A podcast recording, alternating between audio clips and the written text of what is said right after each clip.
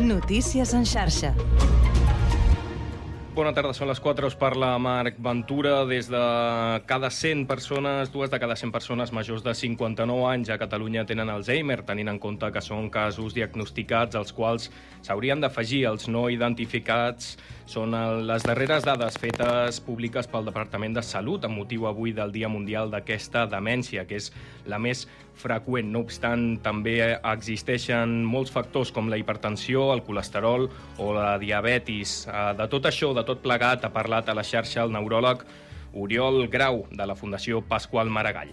Quan abans mm, adquirim uns hàbits saludables, millor, perquè la malaltia d'Alzheimer no comença d'un dia per l'altre, sinó que ve precedida per un llarg període de canvis biològics, d'acumulació de proteïnes, proteïna amiloide proteïna tau al cervell, que provoca una sèrie de canvis al, al cervell que nosaltres no percebem fins que han passat molts anys.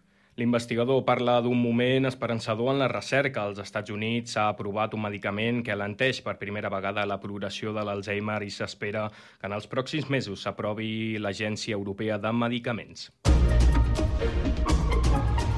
I, de fet, encara no abandonem el tema perquè l'Associació de Familiars d'Alzheimer del Baix Llobregat han inaugurat nova, una nova seu al carrer Eusebi Soler I, coincidint amb la commemoració del Dia Mundial d'aquesta malaltia que no només afecta les persones que la pateixen de forma directa, sinó també a les que estan al seu voltant. Lluís Rodríguez, al Prat Ràdio. Es tracta d'un nou espai més accessible i visible, des d'on atenen i assessoren a les persones que pateixen Alzheimer i també als seus familiars. Per això, l'associació compta amb un equip de 38 professionals i 15 persones voluntàries, a més de les delegacions. Tenim una treballadora social que podrem atendre directament a les famílies. Eh, tenim l'espai també adaptat perquè les famílies tinguin la seva intimitat si cal doncs, qualsevol informació. Estem bueno, reforçant tots els serveis que, que tenim. Per l'entitat passa cada cop gent més jove, de fins a 54 anys, i a cara amb edat laboral. Des de l'associació destaquen com, malgrat la conscienciació que hi ha, continua havent desconeixement sobre aquesta malaltia degenerativa. Reimprimir la realitat en set de la temporada expositiva del Caixa Fòrum Tarragona amb l'exposició Print 3D. La mostra convida a fer un viatge pel present i el futur de la impressió en tres dimensions. Júlia Sidro, Ràdio Ciutat de Tarragona. Els visitants podran descobrir algunes de les seves propietats com la versatilitat, la rapidesa o la sostenibilitat. La directora de Caixa Fòrum Tarragona, Maria Glòria Oliver, ha fet palesa la reflexió que hi ha al darrere de la mostra. Veurem també quin és l'abast de la revolució que aquesta tecnologia ha causat no? en diferents àmbits i, evidentment, també ens donarà la visió de com aquesta tecnologia arribarà a canviar els nostres hàbits de consum i també el sistema productiu. En definitiva, veurem eh, quasi bé un viatge al futur i veurem també doncs, que se'ns obre un món de possibilitats que fins fa poc eh, eren impensables. L'exposició, composta per més de 200 peces, està dividida en vuit àmbits temàtics, com la medicina, l'arquitectura o l'art. A través d'aquests espais es podrà explorar el món de la impressió 3D i també plantejar escenaris d'un futur que cada cop sembla més proper. Investiguen un brot de salmonel·losi amb 48 afectats en un sopar medieval a Castelló d'Empúries. Les investigacions continuen per determinar l'origen del brot, tot i eh, que s'havien verificat els eh, certificats del manipulador d'aliments abans del festival. I també, segons l'última enquesta publicada pel CIS, el 33% del vots seria pel PSOE en unes noves eleccions. Notícies en xarxa. 4 i 4 minuts. Comença el Connectats.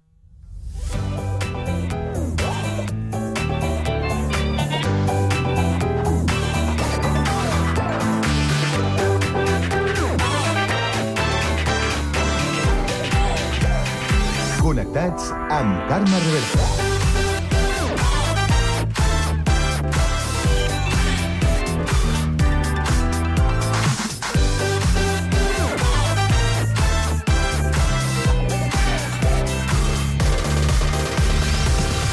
Molt bona tarda, salutacions i benvinguts un dia més al magazín de tarda de la xarxa, al Connectats de l'àrea metropolitana de Barcelona, que fem Ràdio Sant Cugat, Ràdio Sabadell, la Ràdio Municipal de Terrassa, el Prat Ràdio, Ràdio Ciutat de Badalona i Ràdio Castellà.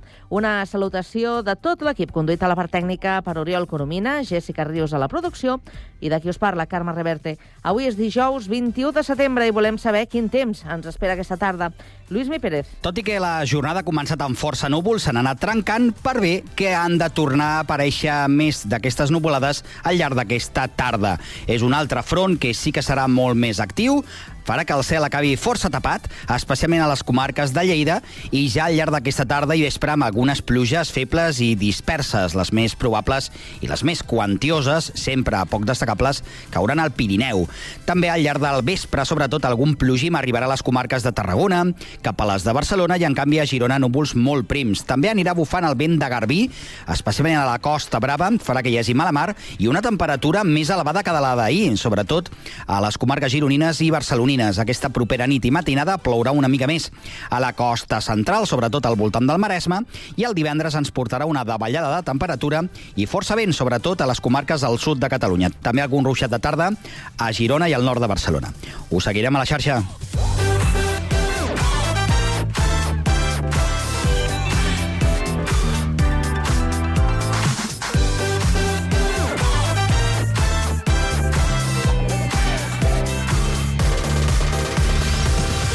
Bé, doncs avui, Dia Mundial de l'Alzheimer, al Connectats parlarem de la malaltia amb Mercè Rull, presidenta de l'Associació de Familiars d'Alzheimer del Baix Llobregat. Acabarem la primera hora amb la tertúlia generalista per parlar d'universitaris i feina i de gerontocràcia, a motiu d'un episodi que va succeir recentment als Estats Units. A partir de les 5 coneixerem el castellarenc Rubén eh, Vidigal, porter del futbol sala castellà. Continuarem amb patrimoni per conèixer Cal Quiteri a Sant Cugat, on s'hi troba actualment al Centre Grau Garriga d'Art Tèxtil Contemporani. I acabarem amb cultura i el certamen fotogràfic Josep Raduà del Prat de Llobregat. Tot això i més des d'ara i fins a les 6 de la tarda a la vostra emissora local. Connectats? Comencem!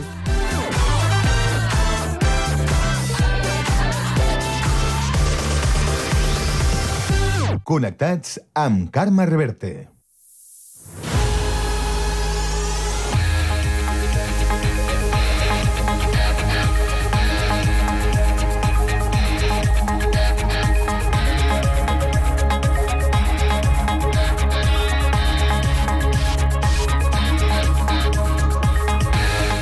Quatre de la tarda, 7 minuts, moment per actualitzar-nos. Ho fem amb la ronda d'actualitat, que avui també obrirem per Terrassa. Sergi Estapé, bona tarda. Bona tarda. L'Ajuntament de Terrassa ha posat en marxa aquest mes de setembre el programa Annexes al barri de Sant Pere Nord. El projecte, impulsat i finançat per la Diputació de Barcelona, té com a objectiu detectar situacions de soledat no desitjada en persones grans, intervenir per pal·liar-les, sensibilitzar i promoure una xarxa comunitària en detecció i atenció d'aquestes situacions. La iniciativa s'adreça a persones de 75 anys o més que viuen soles o que conviuen amb altres persones grans. Per participar-hi cal trucar a l'Oficina d'Informació de la Gent Gran o bé adreçar-se al Centre Cívic President Macià. La implicació dels agents del territori és fonamental per a detectar possibles situacions de soledat i, paral·lelament, ampliar les xarxes relacionals i l'acompanyament a les persones grans del barri mitjançant la creació d'un mapa de recursos. Les persones que s'inscriguin rebran una visita a domicili en la qual faran una entrevista per a detectar possibles necessitats i establir un pla de suport personalitzat per a la situació de cadascuna d'elles. Així doncs, amb la posada en marxa d'aquest programa, l'Ajuntament de Terrassa suma esforços per treballar contra la problemàtica de la solitud no volguda amb una clara voluntat de donar-li continuïtat. Gràcies, Sergi. Continuem al Vallès Occidental. Anem a la cocapital, a Sabadell, per saber què és notícia avui en aquesta ciutat. Pau Duran, bona tarda. Bona tarda. El taulí registra cada any un miler de consultes relacionades amb la demència, moltes de les quals acaben sent per casos d'Alzheimer. Unes consultes que han crescut en els últims anys. Carme Prat és neuròloga de l'Hospital de Sabadell. Uh, ha anat a l'alça eh, en tot tipus de pacients, tot i doncs, saber que eh, diguéssim, augmenta el risc de probabilitat de patir la malaltia eh, amb l'edat. Què passa? Estem davant d'una societat envellida i això fa que cada vegada hi hagi més persones que puguin patir la malaltia, a part d'altres joves que consulten abans. Per tant, aquí s'ajunten els dos factors. Persones joves que consulten en fases molt inicials o amb altres queixes cognitives que al final potser no, no correspondran a una malaltia degenerativa, i després les persones d'edat, que cada vegada doncs, són més. Els pacients joves són els que consulten abans perquè símptomes com els oblits no passen desapercebuts. En canvi, en la gent gran es relativitzen. Per Prat és important consultar el metge quan aquests símptomes acaben impedint realitzar les tasques normals del dia a dia. Gràcies, Pau. Abandonem el Vallès Occidental. Anem fins al litoral, a Badalona. Andrea Romera, bona tarda. Bona tarda, Carme. Balanç positiu dels dos grans hotels de la ciutat de Badalona que han mantingut i fins i tot incrementat el nombre de pernoctacions que han tingut aquest estiu. Mentre que a Catalunya el balanç turístic ha estat força irregular, sobretot a l'agost, quan hi ha hagut un descens en les pernoctacions de costa, a Badalona els hotelers es mostren satisfets d'haver aconseguit xifres prepandèmiques. L'hotel Marina a Badalona no pot comparar dades amb el 2019, ja que es va inaugurar l'any passat, però creuen que això els ha beneficiat a l'hora d'incrementar clients. En Jordi Batet és el director de l'Hotel Marina a Badalona ens sortim una miqueta del tema del resto de, de Catalunya, perquè nosaltres sí que hem tingut un estiu realment molt bo. Eh, hem superat expectatives que tenien tant la companyia com nosaltres mateixos, en comparativa a l'any anterior, que va ser el nostre primer any, eh, doncs hem fet pràcticament, eh, si contem de juny ara al finals d'agost, hem fet 20 punts percentuals per sobre, eh, arribant en alguns casos, com el mes de juliol, al 90% d'ocupació. Uh -huh. Ara els hotels badalonins, tant l'Hotel Marina Badalona com l'Hotel Badalona Tower, es preparen per un canvi de perfil entre els seus usuaris. Del turisme vacacional es passa als clients corporatius o d'empreses que organitzen esdeveniments a Badalona o Barcelona.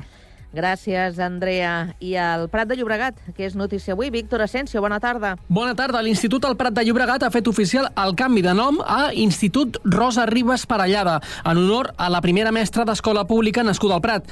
Tot i que el primer mestre va arribar a principis del segle XVIII amb l'inici de l'escolarització de la població, no va ser fins a mitjans del segle XIX que es va aprovar una llei per l'escolarització obligatòria, tant de nenes com de nens. Ara l'Institut comparteix nom amb un dels carrers que delimita la zona del centre. La denominació va ser aprovada pel ple municipal el passat mes de març i ara l'ha ratificada el Departament d'Educació de la Generalitat. Gràcies, Víctor. Tornem al Vallès. Ara ens aturem a Castellà. Guillem Plans, bona tarda. Notícia que farà salivar els qui hagin dinat poc. La mítica taverna del Gall de Castellà, un restaurant històric al casc antic del municipi, ha reobert les seves portes sota una nova direcció. Débora Portillo s'ha fet càrrec de l'establiment juntament amb el seu marit Vicente Sierra. El local ofereix esmorzars i dinars de dilluns a divendres i sopars de dijous a dissabte. La nova direcció continua apostant per la cuina catalana i el producte fresc. L'establiment té l'esperança d'animar el nucli antic de Castellà. Gràcies, Guillem. I tancarem amb l'actualitat de Sant Cugat. Jessica Ríos, bona tarda. Bona tarda. Els Mossos d'Esquadra, la Guàrdia Urbana de Barcelona, la Policia Nacional i la Guàrdia Civil duen a terme un dispositiu a diverses poblacions de Madrid i Catalunya, entre elles Sant Cugat, contra una xarxa criminal organitzada de comerç il·legal d'animals de companyia a la qual s'atribueixen diversos delictes continuats de maltractament animal, estafa, falsedat documental, intrusisme professional i blanqueig de capital. Al municipi els Mossos han confirmat a Cugat Mèdia que han fet una entrada a una botiga d'animals, però no han donat més informació perquè el cas està sota secret d'actuacions.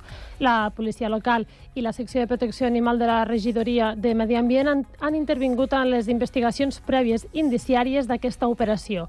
Segons ha comunicat el cos de Mossos, l'operatiu es va iniciar ahir a les 6 del matí i hi van participar més de 100 efectius, entre policies i funcionaris especialitzats. Es preveuen 11 entrades i es corcollen diversos municipis d'amb dues comunitats i la detenció de 18 persones. Per realitzar aquesta intervenció s'han organitzat un equip conjunt d'investigació format per agent, agents especialitzats en delictes econòmics i en medi ambient de la Guàrdia Urbana de Barcelona, de la Guàrdia Civil, de la Policia Nacional i de la Policia de la Generalitat Mossos d'Esquadra liderats pel jutjat d'instrucció 23 de Barcelona i la Fiscalia Provincial especialitzada en medi ambient. Després de mesos d'investigació s'han pogut recopilar indicis i proves per desmantellar l'organització criminal que estava activa des de feia més de 8 anys.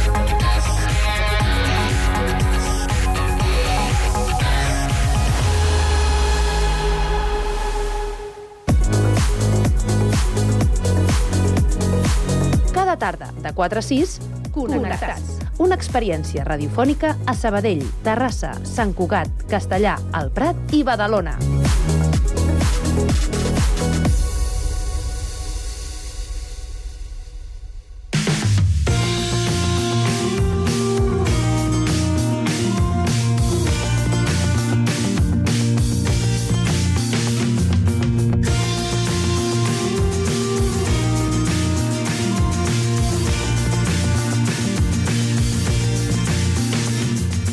Avui es commemora el Dia Mundial de l'Alzheimer, una jornada que pretén conscienciar sobre aquesta malaltia que afecta no només a les persones que la pateixen de forma directa, sinó també a les que els envolten. Per això avui marxem fins al Prat de Llobregat, on l'Associació de Familiars d'Alzheimer del Baix Llobregat ha inaugurat nova seu precisament coincidint amb aquesta efemèride. Lluís Rodríguez Alonso, bona tarda. Bona tarda des del carrer Eusebi Soler, número 1, que és des de fa unes setmanes la seu de l'Associació de Familiars de Malalts d'Alzheimer del Baix Llobregat. Tenim amb nosaltres a la seva presidenta, Mercè Rull. Què tal? Bona tarda, com estàs? Hola, bona tarda. Mira aquí, d'inauguració. Una nova, una nova seu que és un espai, de fet, molt més accessible i també visible del que teniu fins ara. Doncs sí, mira, fins ara estàvem en un pis antic i estàvem una mica amagats de tot i ara doncs vam decidir que teníem que fer un pas endavant i posar-nos doncs, al carrer a un lloc accessible accessible per tothom, on ens vegin i tinguem la màxima visibilitat possible i bueno, vam, vam adequar aquest espai que ens quedava, que ens quedava buit. Uh -huh. Expliqueu-nos quina és la tasca que fa a fa baix des d'aquesta nova seu també. Doncs mira, fins ara teníem el, el despatx, que clar, la gent per trobar-nos allà era molt més complicat i, i, i era més difícil, i ara hem baixat aquí baix, amb el qual tenim una treballadora social que podrem atendre directament a les famílies, eh, tenim l'espai també adaptat perquè les famílies tinguin la seva intimitat si cal doncs, qualsevol informació, estem bueno, reforçant tots els serveis que, que tenim per fer una associació forta forta i bueno, que tinguem perspectiva de, de futur cap a, cap a tot el baix. Uh -huh. Amb quantes persones compteu ara mateix a l'equip? A l'equip són 38 professionals, més mm, uns 15 voluntaris, més totes les delegades que tenim a l'associació que són voluntàries. Uh -huh. Sí que és veritat que les delegades, doncs, bueno, són gent que fa 30 anys que està batallant amb el tema de l'Alzheimer i també s'han fet grans i bueno, necessiten una miqueta de relleu. Llavors, des del despatx donem aquest suport també a les delegacions per, bueno, per ajudar-les a acompanyar doncs, en totes aquestes tasques i serveis que, que fem. Uh -huh. uh, avui es commemora el Dia Mundial de l'Alzheimer. Uh, creus que hi ha prou visibilització i conscienciació per part de la societat o encara hi ha un cert desconeixement? A veure, amb 30 anys hem avançat molt, la veritat. Clar, abans no coneixíem, no sabíem el que es parlava ni el que era. Ara, gràcies també a molta, molts famosos o gent popular que ha fet uh, doncs, públic la seva malaltia, doncs la gent sembla que entén més el que és. Sabem que és una malaltia que està afectada la, que afecta la memòria, però no és només la memòria, la gent només pensa en què és amb, el tema de memòria, però sí que és un deteriorament de totes les capacitats cognitives en general. Llavors, hi ha una davallada de la persona que va perdent capacitats i no només memòria. Llavors, eh, encara ens ve gent a l'associació que ens diu, bueno, i això què és? És que m'ha agafat i, uh -huh. i no sé ben bé el que fer. Sí que és veritat que també per internet es mira i, bueno, però tens tanta informació que a vegades també et perds. Llavors jo sempre aconsello que vinguin a l'associació amb qualsevol dubte perquè també hi han pèrdues de memòria adaptades a l'edat, bueno, degudes a l'edat, en el qual bueno, doncs no necessàriament ha de ser una demència. Uh -huh. Llavors, des d'aquí els podem orientar i els podem doncs, bueno, una mica dirigir cap a on han d'anar. Uh -huh. També hem de dir que des de l'associació fem un, unes proves, un test psico, psicotècnic de tota aquella bateria de tests que fan els neuròlegs? Uh -huh. perquè mm, sense les, el que serien les, les proves metges, que serien doncs, les analítiques i tot això que sí que és propi dels metges, tot el que més que és de neuròlegs ho fem nosaltres gratuïtament. O sigui que qualsevol persona que vulgui o tingui problemes o pensi que pot tenir sospita de tenir pèrdues de memòria, pot venir a l'associació que nosaltres li fem aquesta valoració gratuïtament i amb això pot anar després al metge de capçalera o al neuròleg amb un informe ja una miqueta més detallat, -huh. perquè en els CAPs amb 5 minuts t'ho miren i a vegades amb 5 minuts no n'hi ha prou. Clar, en aquest sentit, com és la feina que feu estretament, suposo que amb els centres sanitaris, parlo també dels CAPs, però també dels centres sanitaris, dels hospitals com a tal? Nosaltres tenim centres de dia, Ara, els centres de dia són uns centres on van a treballar i a treballar diferents capacitats cognitives, des de la memòria, la música, la fisioteràpia, teràpia amb animals, ara estem treballant també amb alguna en realitat virtual, doncs totes aquelles teràpies no farmacològiques nosaltres ens hi posem. No hi ha una teràpia millor o pitjor, cada persona li va bé una cosa o altra, però quan més coses tinguem, doncs millor, perquè cada un, no? a uns els agrada l'ordinador i als altres els agrada el paper. Doncs estem adaptats per, per qualsevol cosa. Què passa? Que ara estem en relació amb els CAPs també, amb, amb metges d'alguns ambulatoris, estan, ens els deriven perquè puguem fer aquestes proves mm, mm, psicològiques per ajudar-los amb ell a, a justament a fer el cribatge, no? perquè ja sabem com va el tema sanitari. Vull dir, abans no te donen una prova, abans passa un any. I una de les eh, objectius que tenim és diagnosticar el màxim possible, perquè tot ha sortit per o sigui, la medicació nova que ha sortit, tot va a, a, a treballar en les primeres fases inicials i primerenques de la malaltia, que és quan més es pot incidir un cop desenvolupada la, la malaltia ja, bueno, doncs ja la malaltia segueix el seu curs, però sí que frenar-la al màxim, bueno, el més aviat possible. Ah. És, la, és un dels objectius. Uh, quin, quin perfil de persones us ve aquí a l'entitat? Uh, ho comentàvem, de fet, també l'any passat, si no recordo malament, no? que ja ho deies també al Connectats, que cada cop trobeu que hi ha gent més jove, no? fins i tot que, que, que, que té aquests símptomes també de tenir demència. Aquí, eh, normalment, ens venen els familiars, els fills, Normalment, els, el, quan és el marit o, el, o la muller ens costa més arribar amb aquestes associacions. Eh? Ah. Uh, hi ha una reticència al pensar que tu pots fer-ho i, bueno, i en canvi quan és el fill que veu també és més modern, vull dir, està més actualitzat i veu que hi ha altres recursos, doncs normalment ens, sempre venen o els fills acompanyats dels pares o els fills sols a, a, fer, a fer una consulta. Eh, la gent que és relativament jove no ve ells, perquè hi ha una negació de la malaltia. Ah. Llavors, normalment doncs, ve doncs, les filles i fills que, que, que veuen que aquí està passant alguna cosa i, i hem de posar fil a l'agulla. Perquè quan parlem de gent jove, a quines edats estem parlant? Estic parlant de 54, 55, 60, 62... O sigui, gent que encara està uh, treballant, sí, està sí. en edat laboral. Uh -huh. Llavors, eh, tot això doncs, té un problema perquè en els centres de dia estan pensats, les ajudes de les dependències estan pensat en gent més, més gran de 65 anys.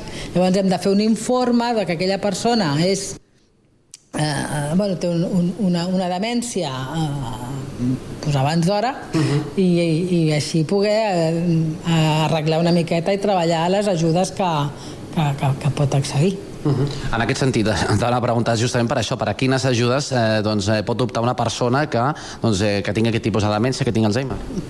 Poques.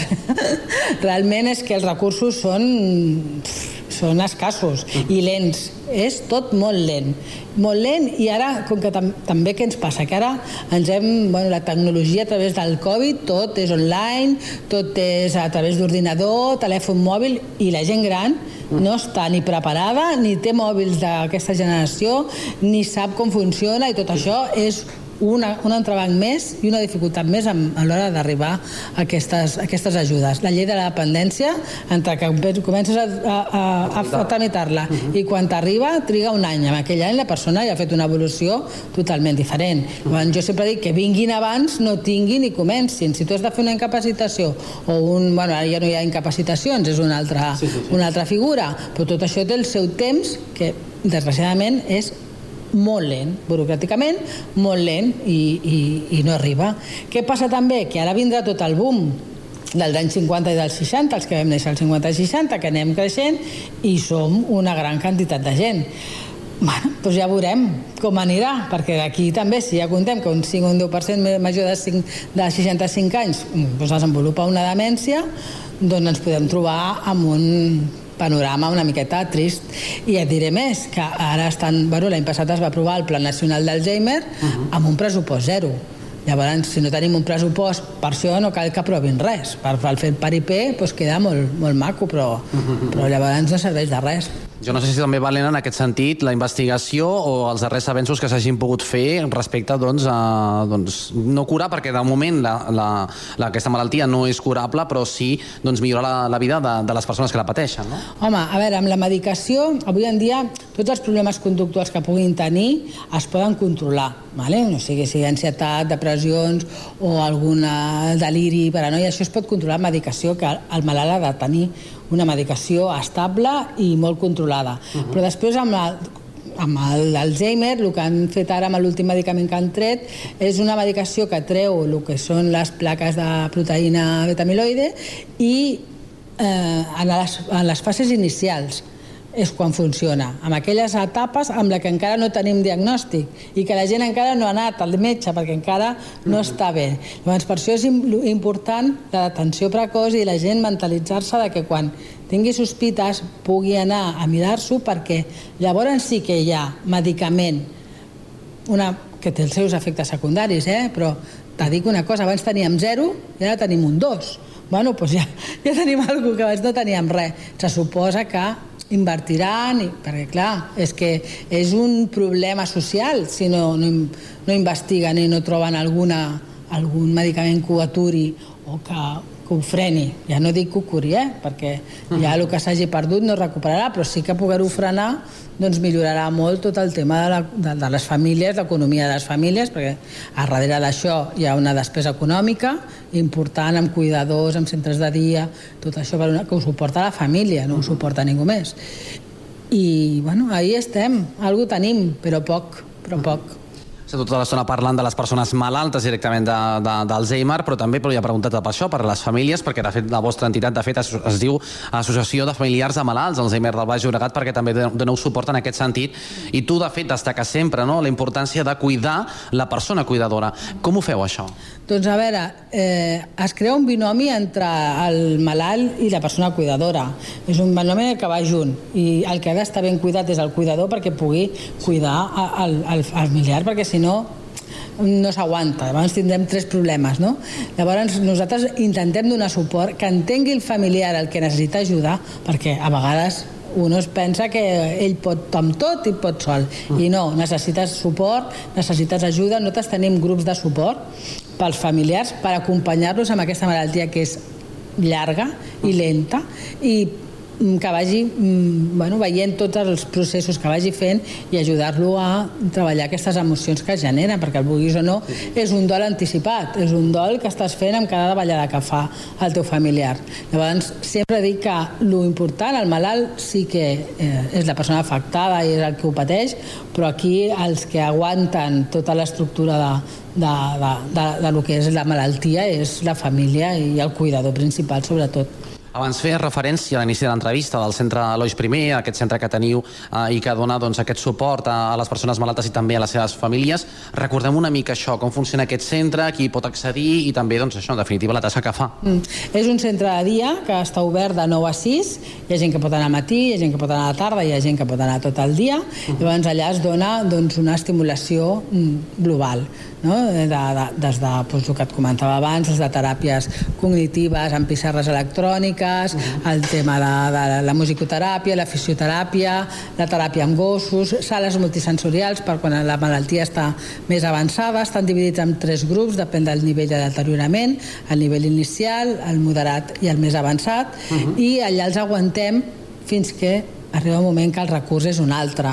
Hem de dir també que no diem mai no, no, no vinguis, sinó que potser no, reconduïm a la família de que millor el procés ja és una residència o una persona a casa, perquè a vegades doncs, quan cada etapa té el seu, el seu moment. No? Uh -huh. Llavors també és un, un, un lloc on la família descarrega, perquè clar, 24 hores al dia amb un malalt d'Alzheimer doncs també carrega molt. Llavors, en aquest espai doncs, hi ha una alliberació de la família, que aquí el que intentem treballar també són els sentiments de culpa que a vegades es genera perquè sembla que, que deixis el teu familiar, però ja estan ben cuidats, fan activitats, eh, van contents, tenen vida, és que tenen vida. O tu vas allà i no penses que allà estan malalts. És com si fos un esplai amb gent que té perdudes de memòria, per dir-ho d'una manera. I a vegades la gent es pensa que és com una residència, però no, jo sempre diem de que vinguin i ho vegin i estem oberts a que a mira, ara farem pel Dia Mundial també farem una jornada de portes obertes de, per venir-ho a mirar i, i, i veure, mira, l'any passat vam fer excursions amb catamarana al Port de mm. Barcelona, vam anar al museu i al, i al, al Aquàrium, sí. bueno, clar, amb això vas amb la gent que pot, uh, a veure, que està en primeres fases, no? Uh mm-hmm. -huh. Però bueno, és que hi ha coses que es poden fer, no s'acaba tot amb, amb la malaltia. Mercè, per acabar, volia preguntar-te, doncs ja ho deies també, aquests dies s'estan fent diverses activitats al conjunt de la comarca del Baix Llobregat. La primera aquí al Prat va ser justament aquest dimarts, que va ser aquest taller eh, que el que vol és promoure doncs, no tenir una vida sedentària, sinó fer exercici. I en aquest sentit volia acabar amb aquesta pregunta, que és quins bons hàbits podem tenir per mantenir una vida saludable i també doncs, eh, tenir una millor memòria en aquest sentit i que no puguem desenvolupar eh, qualsevol demència. Bueno, això no ho sabem, però almenys si nosaltres tenim hàbits saludables, és a dir, mengem sa, això no vol dir que no facis accessos, però bueno, que no intoxiquis el cervell amb tabac o amb alcohol excessivament, que tinguis, mm, facis exercici, almenys bueno, per mantenir-te ja en forma, perquè la circulació vagi i vagi el cervell i tot estigui en marxa, uh -huh. que tinguis una vida sociable, que et relacionis, que no et tanquis i estiguis aïllat, sinó que tinguis amics o, o, o bueno, per sortir i tenir la dieta mediterrània, no la vida mediterrània al fi i al cap, no? Uh -huh. I puguis sortir i puguis fer activitats que facis treballar el cervell i si poden ser activitats noves que t'impliquin un esforç i un, i un aprenentatge, tot això fa que el cervell pugui generar pues, connexions i tinguis una activitat més, més desenvolupada. Uh -huh. Ara, després hi ha altres factors que, bueno, no que no són controlables. L'edat és, bueno, és un dels baremos més, més, més associats no, amb la malaltia, però bueno, Mercè Rull, presidenta de l'Associació de Familiars de Malalts d'Alzheimer del Baix Llobregat, un plaer i moltíssimes gràcies per atendre'ns. Bona tarda. Bona tarda a vosaltres per donar-nos a veu.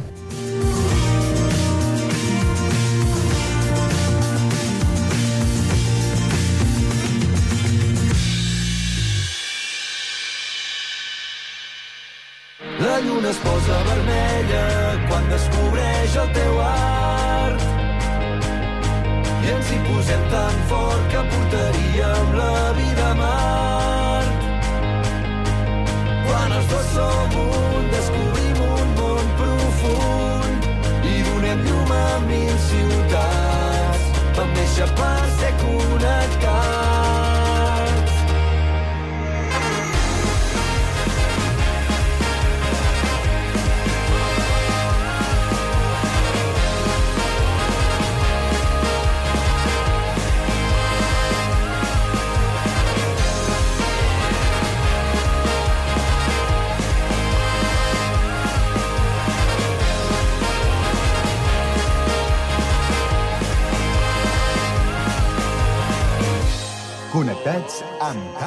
Carme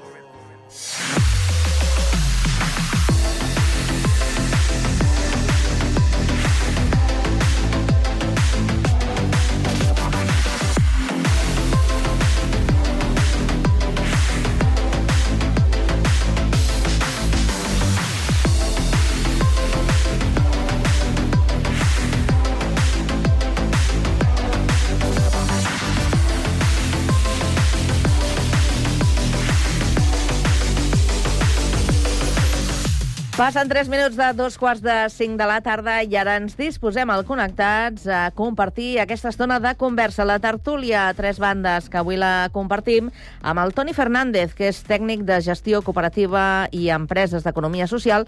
El tenim a Badalona. Toni, bona tarda. Hola, molt bona tarda. Com ha anat l'estiu? Bé, bé.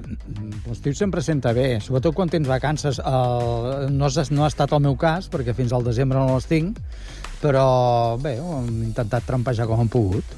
Mm -hmm. Doncs anem a saludar el Josep eh, Vallvé, que és exempleat de banca de, de Caixa d'Estalvis, eh? Josep, i columnista sí, senyor, sí. a Terrassa. Què tal, com estàs? Bé, molt bé, content de, de retrobar-vos. Eh, com ha anat l'estiu? Mira, avui acaba l'estiu astronòmicament, que diuen, no? Tinc la sort, eh, respecte al, al Toni, que li farem aquesta dentetes, quan els que tenim la sort d'estar jubilats representa que tenim, representa que tenim vacances tot l'any, eh? El que passa és que sempre estem embolicats amb una cosa o una altra. Esteu, esteu en un dels millors clubs del món, eh? Aquest. indubtablement, indubtablement. És un bon fitxatge, és un bon fitxatge aquest. Bé, doncs eh, baixarem, ara, de moment, eh? Ho, ho baixarem, ni que sigui eh, per uns minuts, eh, la, la mitjana d'edat la baixarem a la franja universitària, perquè avui parlarem novament de, de formació, de, de feina i, i justament d'aquest sector de la població, els eh, que han cursat eh, estudis superiors, que han fet els seus doctorats, que han fet els seus eh, màsters, perquè jo m'imagino que aquesta sensació vosaltres també la, us ha arribat, no? ni que sigui indirectament, eh, havíem arribat a un punt en què els, eh, els joves que tenien tanta, tanta, tanta formació doncs es veien resignats a l'hora de, de trobar feina i de trobar doncs, una feina ajustada a, a la seva preparació, una feina de, de qualitat. Doncs ara sembla que la situació, almenys en els tres últims anys, ha canviat i sembla que l'estabilitat laboral dels titulats universitaris doncs, ha augmentat eh, en aquests eh, últims eh, tres cursos.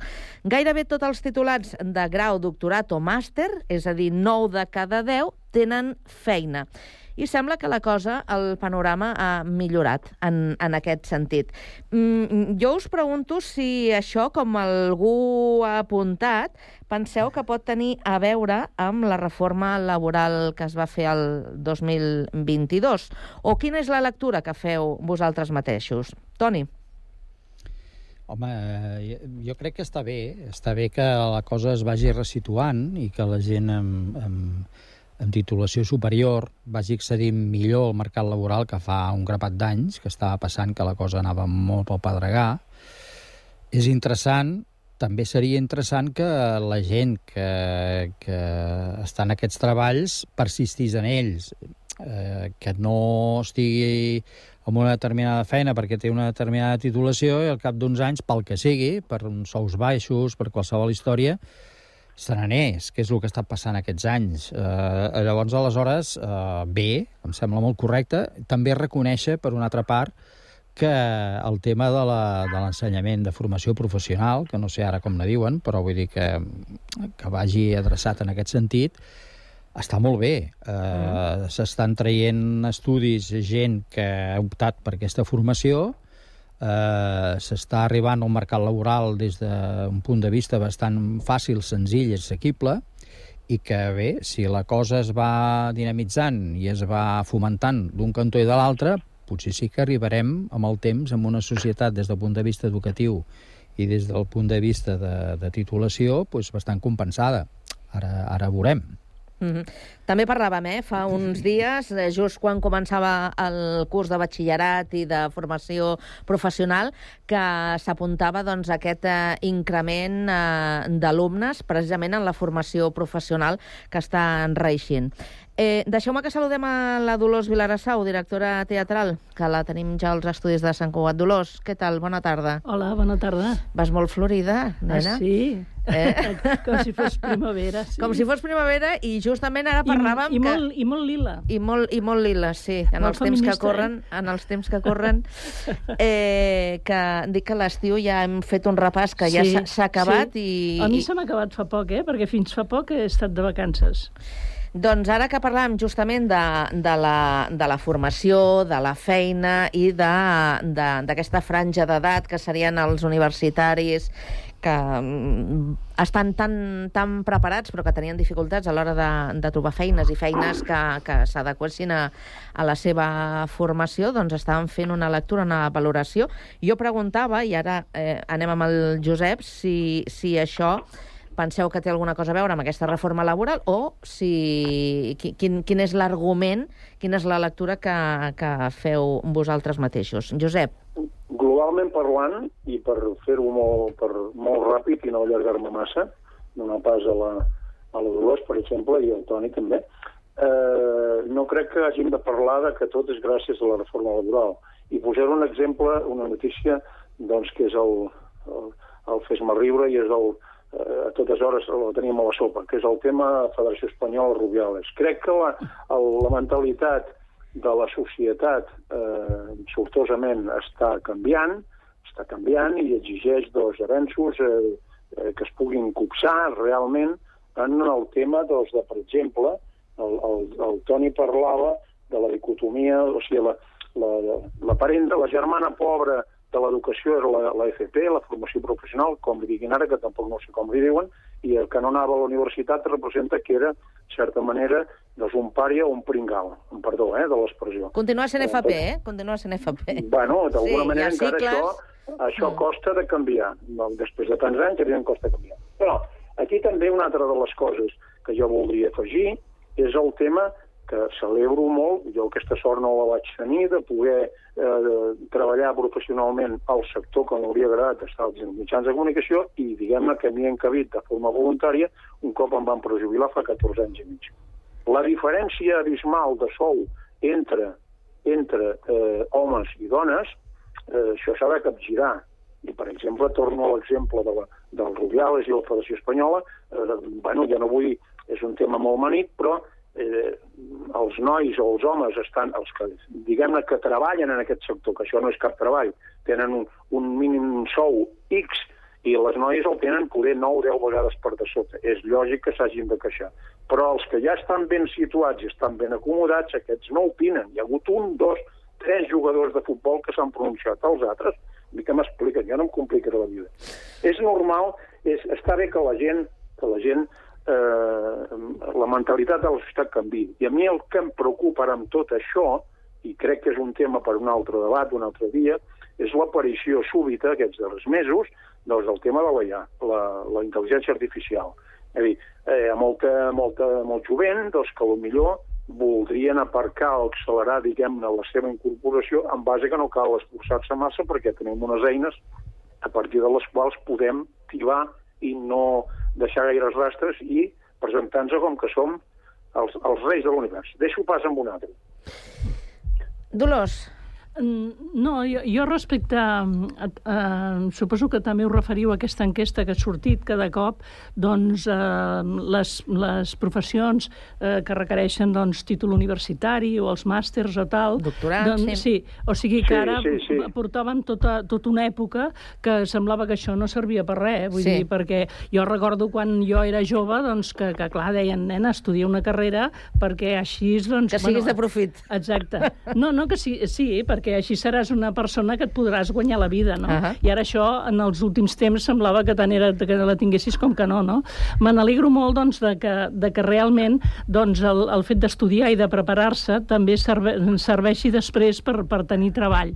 El que també d'aquesta enquesta o d'aquesta notícia que ha sortit també em, em, fa, em fa llàstima aquest tema que les humanitats eh, continuen sent el, el parent pobre, no, sol, no solament això que deia el company, la formació professional, sinó també el tema d'una persona que estudia humanitats, no?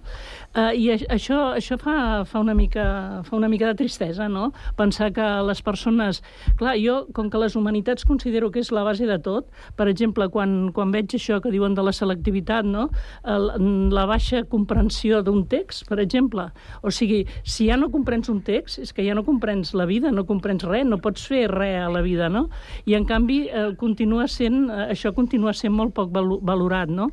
I, sobretot, també les carreres artístiques, eh, per exemple, ara que el company també parlava de la intel·ligència artificial, també vaig llegir un article que deia que en el futur tots els treballs podran ser substituïbles per, eh, per una, per una eh, intel·ligència artificial, excepte els treballs artístics. Creatius. O sigui, el, el, el treball creatiu a l'art, eh, per, molt que, per molt que composi una cançó una màquina, o sigui, a l'art, amb la implicació que té de tu amb una altra persona, doncs això no, no podrà ser substituït mai.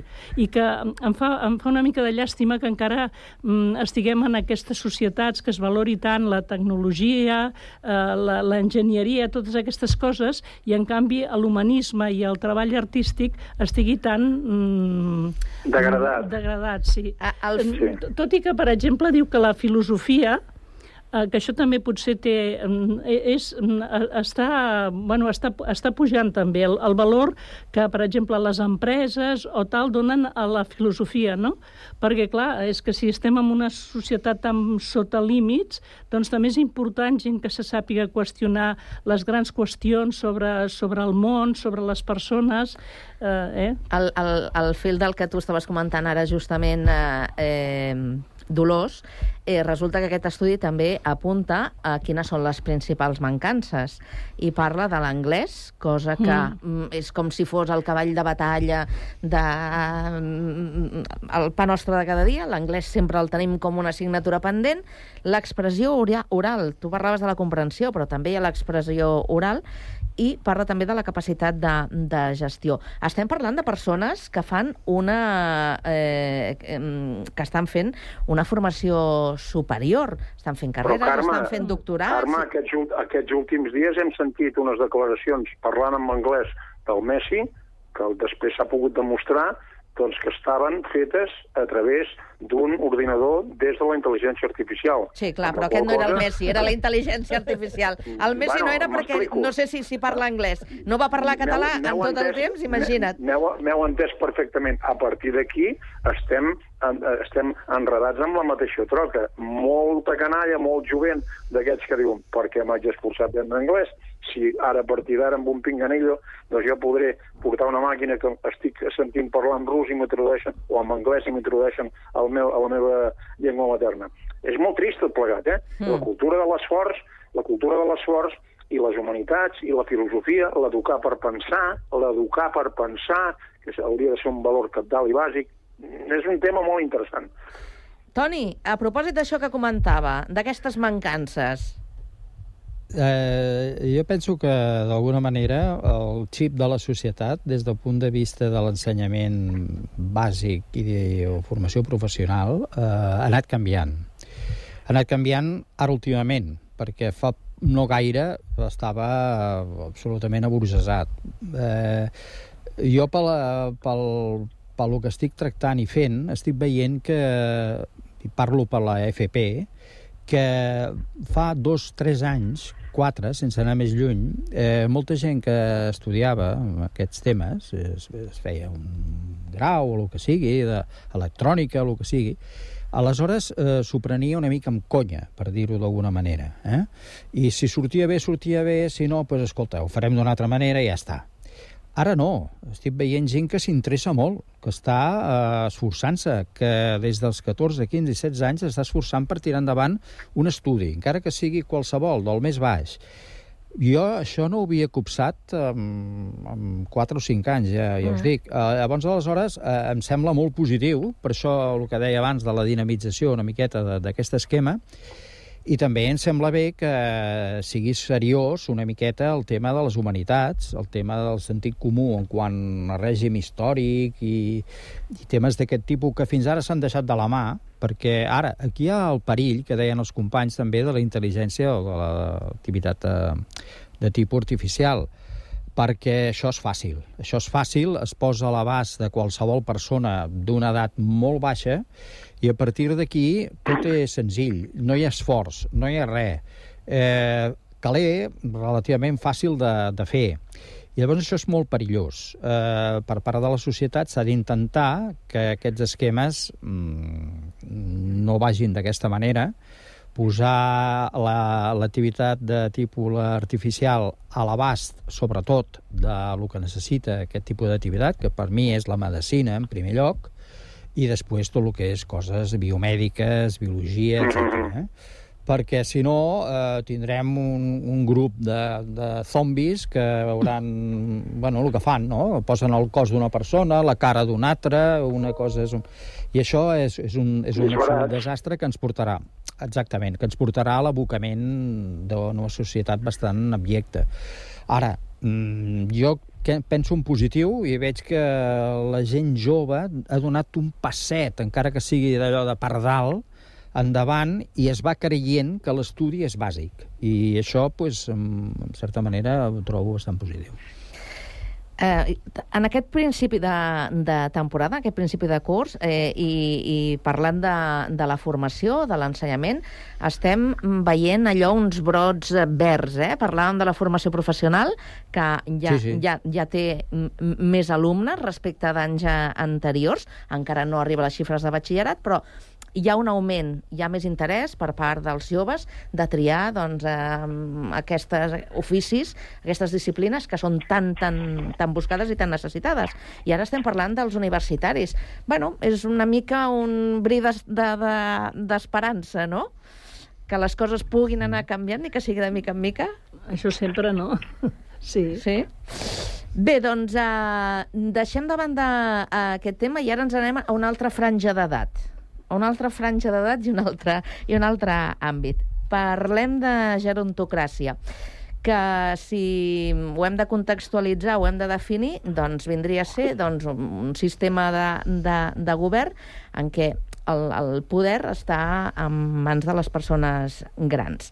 Què passa? Hi ha hagut eh, aquest estiu, aquest eh, final d'estiu, de, un, eh, un episodi que es va produir als Estats Units amb un eh, senador republicà, una persona d'edat de, avançada que en una... 81 en una, en una exposició, gràcies, en una exposició davant dels mitjans, doncs eh, va tenir un lapsus que va estar com mig minut eh, en blanc. Sense, en blanc, sense dir res, en blanc, efectivament.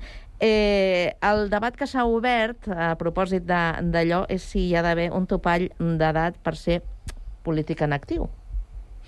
És, el, és la pregunta que us faig.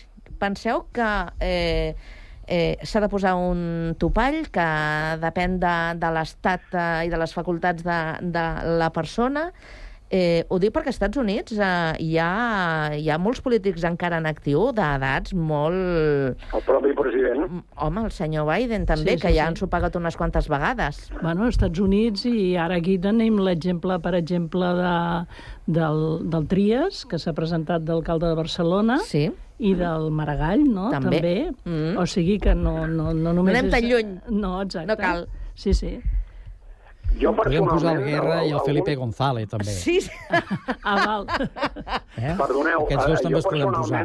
algun tillarà de, de que sóc un sentimental, jo crec que no hauríem de limitar el tema per tema d'edat, i estic pensant, a millor una miqueta eh, idealísticament, eh, la figura de la persona gran, la gent gran, eh, al món africà, en general, doncs està sumament venerat i es valora molt i molt la seva opinió a l'hora de prendre decisions. Jo, valor, jo a, to, tot cas, posaria un topall, i sempre ho he dit, no parlant en temes polítics, d'un màxim de dues legislatures i que és una sèrie de regeneració que obligués a, a, a la persona que ja porta temps al món polític, aquí tenim una sèrie de vaques sagrades que, bueno, no deixen la trona mai, però a veure, aquest senyor li ha passat això i et pot passar davant d'un micròfon amb una professional eh, del RAM com és la Carme que està fent de moderadora o et pot passar a qualsevol de nosaltres.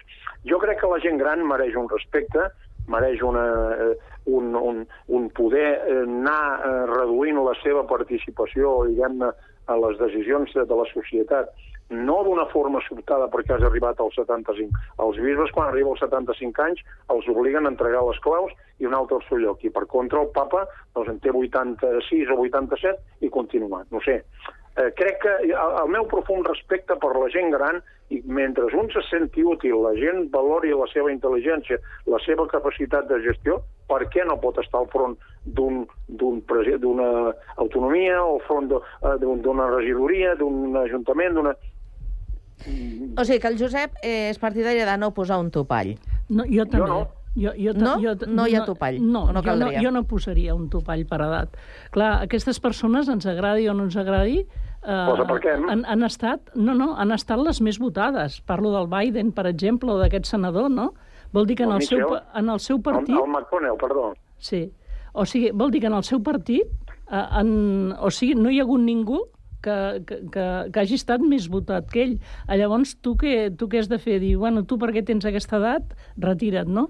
Clar, sí que és veritat que potser la pròpia persona, el que és, el que és evident és que la, la mateixa persona amb 50 anys, amb 70 o amb 80... Les vull dir, capacitats les capacitats no, no són les mateixes. mateixes. Clar, eh, estem parlant dels polítics, eh, però també, per exemple, mm, quin topall li posaries a un escriptor, per exemple, o a un professor universitari? Clar, per exemple, un cirurgià que ha d'entrar que, que vull dir... Però clar, és, és més la És que és, mo és molt diferent, eh? Sí, Els clar. exemples És diferent, que, eh? clar, És diferent, sí, sí. eh? Un cirurgià, evidentment, doncs, eh, Clar. eh, té a les seves mans eh, Sí. la, la Sí. vida Sí, segurament d'una persona. Clar, potser és una un persona cirurgià- més gran és més interessant eh, des d'un punt de vista doncs, de- d'assessorament, eh, Sí. de pensament, Jo crec però, que la- clar, però que les sempre hi ha d'haver persones- darrere una persona que, que faci... Potser la gestió directa és més complicada amb una persona gran, Mm. però jo he posat topall, no, eh? ni en el carnet de conduir. Vull Mira, dir, justament m'ho has tret de, vu- vull de dir la que- boca. que- Deixa'm el Toni, que si no, no ens Sí. hi cabrà. No, jo eh, no, només volia apuntar això, que en principi la gent gran, topalls no, però jo posaria un cert control, sí, perquè clar, a la millor troba gent que està preparada, encara que tingui aquests lapsos, eh, és igual, però trobes autèntics bojos que tenen aquesta edat.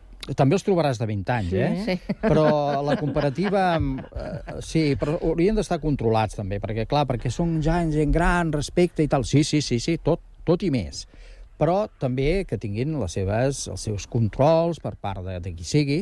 I després la, la reflexió que faria en quant a la medicina, jo he tractat bastants anys amb metges, eh, cardiòlegs i tota aquesta història, eh, i, i, i gent gran, i que operava a cor obert, amb 70 i bastants anys. Eh, aquesta gent, evidentment, estava controlada en els quiròfons, però tenia el seu equip que és diferent, eh? Uh -huh. I al moment que hi havia una operació a cor obert de 6, 7, 8 o 9 hores, eh, ell marcava la pauta, que és el que deia abans, també un polític pot tindre la la seva història i marcar la pauta. Però, exactament, però el ritme era un altre, eh? perquè llavors sortia, estava tranquil, seguia el seu deixeble, fent l'opera... eh, Llavors és una altra història. I el polític jo crec que se li pot aplicar el mateix. Llavors, aleshores. Exactament, exactament. I qui diu això, i, i és que gent molt vàlida, eh, eh, mestres, catedràtics, tot això, i tant que sí. El que passa que, clar, tot ha d'estar una miqueta així... eh, Bueno, Però sense una exposició relleu, no? pública, potser, no? Que, No, no, que, no, no. que, que, que no, no, no, no li deixa la dignitat a la persona. Sí. Li, perquè jo no sé si heu vist aquestes imatges i fa patir eh, aquell senyor que es queda ja bueno, aquí també bocabadat. eh, els mídia, quan in, eh, els mitjans de comunicació quan intervenen també a vegades intervenen amb un cert sentit de, de l'oportunitat. I llavors a partir d'aquí potser que ens miréssim tots I buscar el eh, sensacionalisme, també. Ah, exactament, exactament. Vinga, Eh, no, no, veure, no jo tirem recordo- més pedres, no tirem més pedres, no, Josep. no, no. Jo deixaria anar, amb això que deia la Dolors, Hem de la marxar. figura din- dintre del món universitari del professor emèrit. No l'obliguen a jubilar-se als 65. Això, i els becaris sèniors, 70. que a veure si els recuperem, els becaris sèniors. Senyor, senyora, Molt bé. moltíssimes gràcies, que vagi bé la tarda. Fins una altra. Igualment. Adéu-siau. una altra. Adéu-siau. Adéu-siau.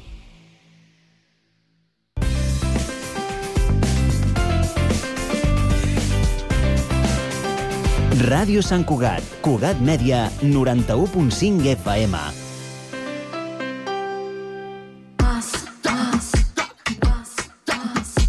Pide por esa boquita, viajar, disfrutar de un verano mejor, vamos, grita, que lo que se da no se quita. Tot el que li demanes a l'estiu, demana-li al nostre assessor i aconsegueix fins a 500 euros en un cupó regal del Corte Inglés i molt més. Consulta les condicions. Viatges al Corte Inglés. Sant Cugat, Braseria La Bolera, el restaurant braseria situat al vell mig de la ciutat. Més de 20 anys oferint la més alta qualitat en tots els seus productes, en amanides, carns, verdures, Braseria La Bolera. Amplis menjadors per a celebracions familiars, batejos, comunions, casaments, Braseria La Bolera. Els que ja la coneixen sempre hi tornen. Baixada de l'Alba 20, al costat del monestir. Telèfon 93 674 1675.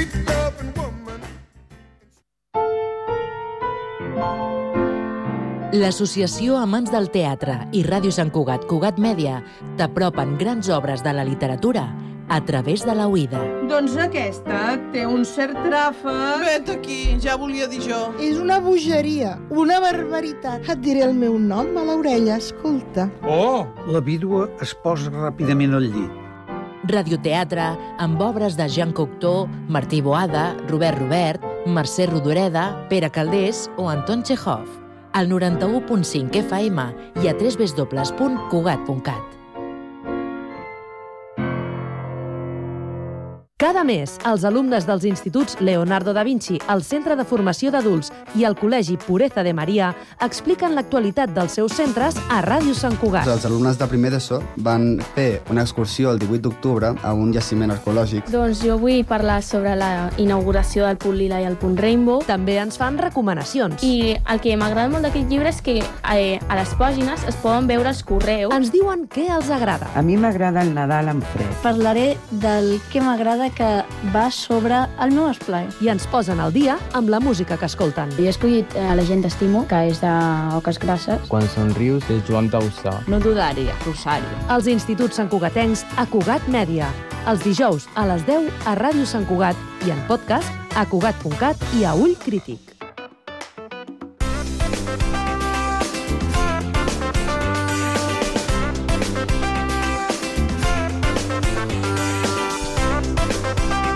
Ràdio Sant Cugat.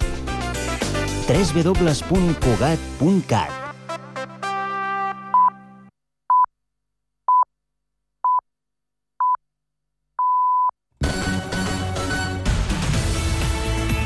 Ràdio Sant Cugat,